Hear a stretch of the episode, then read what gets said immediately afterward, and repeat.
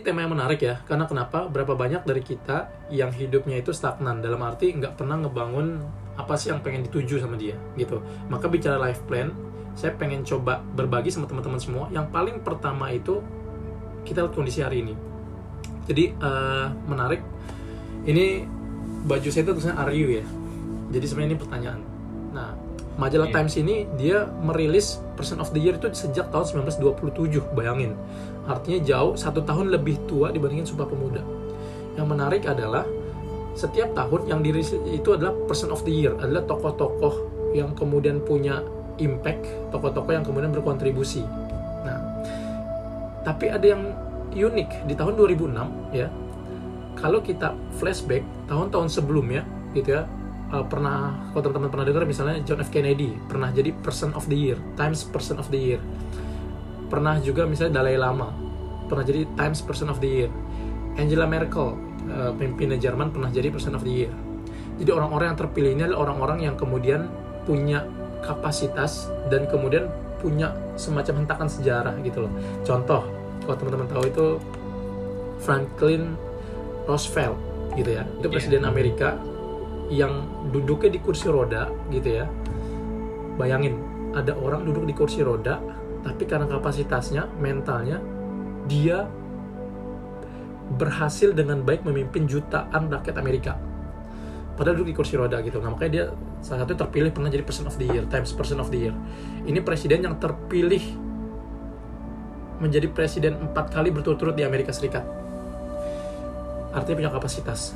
Pernah juga eh, Oba- Barack Obama ya kan? Ini yang kemudian mengkat atau bikin trend break dalam sejarah Amerika. Pertama kalinya sejarah Amerika itu dipimpin oleh eh, kulit hitam.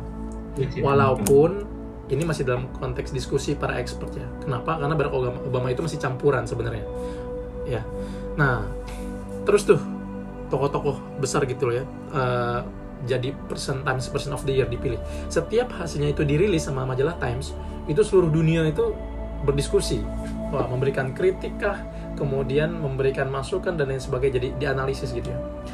Yang menarik tahun 2006 pertama kali dalam sejarah majalah Times itu ngeluarin Times Person of the Year tidak dalam bentuk orang personal individual.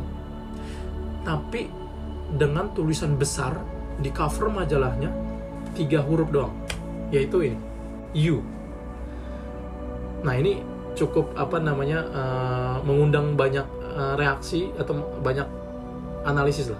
Intinya adalah majalah Times bilang bahwa redaksinya karena semenjak era 2000-an ke sini ya itu iklim kompetisi iklim bisnis iklim teknologi komunikasi semua itu berubah gitu loh jadi mulai era milenial orang-orang dengan kualitas Bill Gates orang-orang dengan kualitas Steve Jobs itu nggak lagi lahir satu dua orang.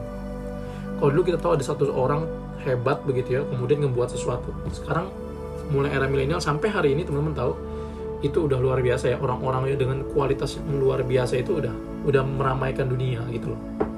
Nah ini salah satu yang kemudian men, apa ya cukup mempush saya gitu ya. Bahwa kata majalah Times itu setiap orang itu punya value sebenarnya. Nah zaman ini udah berubah. Setiap orang sekarang lagi berlomba-lomba gitu ya. Ningkatin kapasitasnya. Tinggal kita nih mau ke mana?